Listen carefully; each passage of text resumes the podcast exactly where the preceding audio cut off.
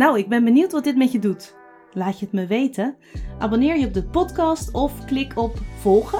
En reageer gewoon op je eigen manier via dit platform, op Instagram of door te mailen naar hallo Vind ik super leuk. Oh ja, en als je mijn ongecensureerde verhaal met wat extra informatie ook wilt horen, en dat wil je, luister dan ook vooral naar de podcastaflevering die bij deze extra hoort. Hoe sexy is borstvoeding? Dat is de vraag. en deze keer ben jij aan de beurt om die vraag te beantwoorden. Ik heb het al gedaan in de aflevering die hoort bij deze extra. Die kan je luisteren, maar dat hoeft niet. Want um, ja, het onderwerp um, seks en borstvoeding, het is gecompliceerd, of misschien ook niet, weet je. Aan de ene kant zou je kunnen zeggen dat het wel sexy is en dat het heel erg seksueel is. Aan de andere kant moeten sommige mensen misschien kotsen van het onderwerp, van, de, van deze combinatie van onderwerpen. Dat ze zeggen, hoe kom je erbij dat je seks en borstvoeding met elkaar associeert? Of er zijn juist mensen die vinden van, hallo, laten we het eens een keertje normaal maken en niet naar iemand kijken met blote borsten alsof het een of ander lustobject is. Dus het kan alle kanten op. Daarom uh, ben ik wel benieuwd hoe jij je voelt over dit onderwerp. En deze podcast is dus voor vrouwen die zowel uh, borstvoeding geven of hebben gegeven, als niet. Hè? Dus als ik aan jou vraag, hoe sexy is borstvoeding? Is deze vraag er dan misschien wel eentje die weerstand bij je oproept? Zo ja, mooi zo. ik ga je namelijk nog veel meer kritische vragen stellen zometeen. Jee! Maar eerst even over die weerstand. Kan je die concreter maken? Er zijn namelijk drie verschillende vormen van weerstand.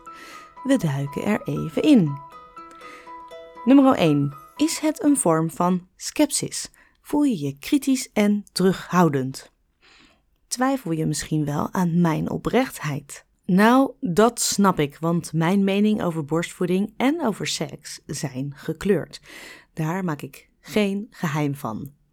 Ik denk eigenlijk dat iedereen die een mening heeft, sowieso door zijn eigen brilletje kijkt, maar ik heb wel misschien net even wat meer aandacht besteed aan hoe ik dan uh, die kleurplaat wil inkleuren. Welke kleurtjes ik wilde geven aan zowel het onderwerp seks als het onderwerp borstvoeding, want het zijn mijn twee lievelingsonderwerpen. Ik heb dus een gekleurde mening, maar vandaag ga ik alleen maar vragen stellen. Dus ik ga geen antwoorden geven. Ik wil echt een moment creëren in deze aflevering dat jij je echt kunt openen en eerlijk met jezelf kunt reflecteren op deze thema's. Misschien leer je er wel iets van of helpt het jou? Je hoeft helemaal niks terug te geven hè, aan mij. Je hoeft geen antwoorden terug te mailen of whatever. Je doet het helemaal zelf, voor jezelf en niemand die er iets van hoeft te weten. We hoeven niet eens te weten dat je dit geluisterd hebt. Klinkt wel heel stiekem zo. Is jouw weerstand misschien eerder een vorm van reactance? Ja, ik hoop dat ik het goed uitspreek. dat is de tweede vorm van weerstand. En dat is dat je je een beetje opstandig opstelt. Dat je zin hebt om het tegenovergestelde te doen of te zeggen dan wat ik uh, van je vraag. Ben je misschien bang dat ik jouw mening ga beïnvloeden? Nou, dat snap ik ook. Ja, echt serieus. Want dat doe ik heel vaak. Ik vind mijn mening namelijk uh, heel erg belangrijk. Daarom maak ik ook een podcast. om mijn mening de wereld in te helpen. Zelfs als mijn mening is dat iedereen kwetsbaar moet zijn en open of weet ik veel. Weet je, ik heb toch wel ergens een boodschap. En hoewel ik denk dat ook daar ik niet uniek in ben. Ik denk namelijk dat heel veel mensen hun eigen mening belangrijk vinden. Ben ik er in elk geval eerlijk over. Oh, even mezelf op de borst kloppen. Nou, zo bedoel ik het niet hoor. Mm, maar ik herken mij trouwens ook in deze vorm van weerstand. Want ik heb er best wel vaak last van, hoewel ik nooit wist dat het zo heette, van reactance. Ik representeer heel vaak de tegenpartij, het tegengeluid. En als ik dan vervolgens met de tegenpartij ga praten, dan uh, switch ik zo hup naar de andere kant. Alsof ik echt altijd tegen ben. Raar hè? Ja. Vind ik ook en niet altijd behulpzaam. Anyway. Jij mag zelf weten of je gaat schoppen of je tegen bent. En ik wil je uitnodigen om het te herkennen. Want het is super leerzaam. Wat maakt nu dat je je zo tegen voelt? De derde vorm van weerstand is inertie of inertia. Dat is als mensen dichtklappen, gesloten zijn, als ze niet reageren of zelfs weglopen. Ja, bij deze podcast zou dat zich kunnen vertalen als dat je niet luistert of zo, of dat je gewoon lekker niet gaat nadenken en geen antwoord gaat geven op mijn vragen. Prima, helemaal geen probleem. Deze podcast is uh, vooralsnog eenrichtingsverkeer. Je hoeft mij helemaal niks terug te geven. Of had ik dat al gezegd? Nou, en als jij niet wil luisteren, je bent vrij, toch? Oké, hebben we dat gehad. Je bent welkom met je weerstand en ook zonder je weerstand allemaal goed. Ik ga jou zo meteen een hele berg vragen stellen, zodat jij voor jezelf kunt onderzoeken wat voor jou waar is en waarom. Let op, ik ga dus zelf geen antwoorden geven. Ik heb wel een beeld van hoe ik er zelf in sta, maar dat deel ik in deze podcast niet.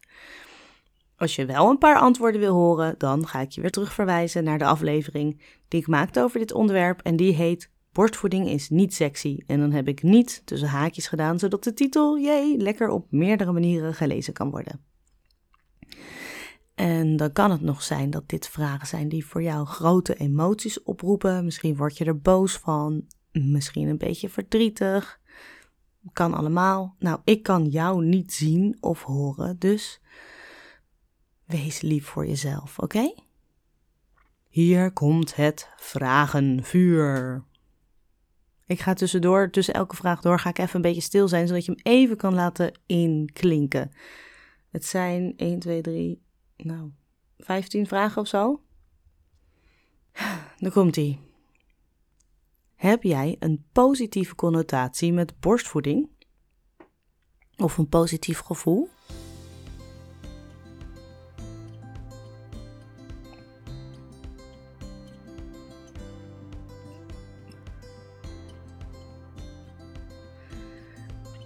Wat doet het met jou als je een borstvoedende vrouw ziet?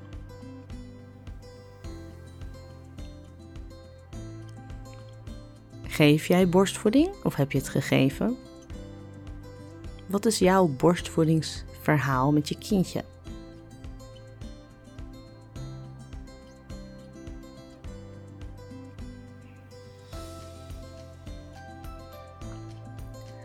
En wat is jouw borstvoedingsverhaal met je moeder? Heb jij borstvoeding gekregen? Weet je dat?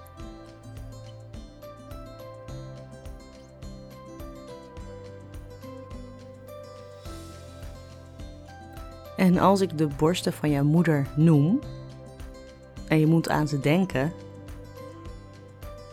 heb je daar dan een negatief, een positief of een neutraal gevoel bij?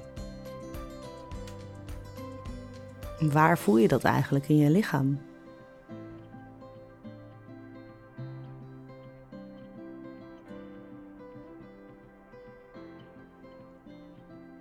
Heb je een positieve connotatie met seks? Of is seks iets dat ergens op de een of andere manier pijn, emoties, nog meer weerstand oproept?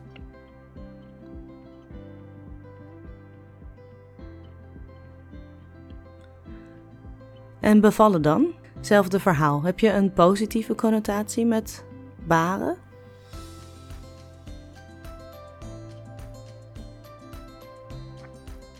Zie je eigenlijk een relatie tussen seks en zwangerschap?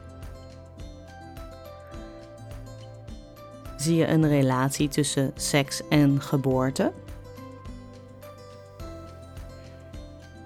Zie je een relatie tussen seks en baby's? Zie je een relatie tussen seks en borstvoeding? Als ik zeg dat seks en kinderen gescheiden moeten zijn, wat geeft je dat dan voor gevoel? En als ik zeg dat borstvoeding seksueel kan zijn, wat geeft dat je dan voor een gevoel? als ik zeg dat borstvoeding privé zou moeten zijn of privé is? Wat doet dat dan met je? En als ik zeg dat borstvoeding vies is, hoe reageer je daarop? Hoe reageert jouw lichaam daarop om specifieker te zijn? Nou, genoeg om op te kouwen, denk ik. Wauw. Super bedankt dat je de moeite hebt genomen om je eigen waarheid te onderzoeken.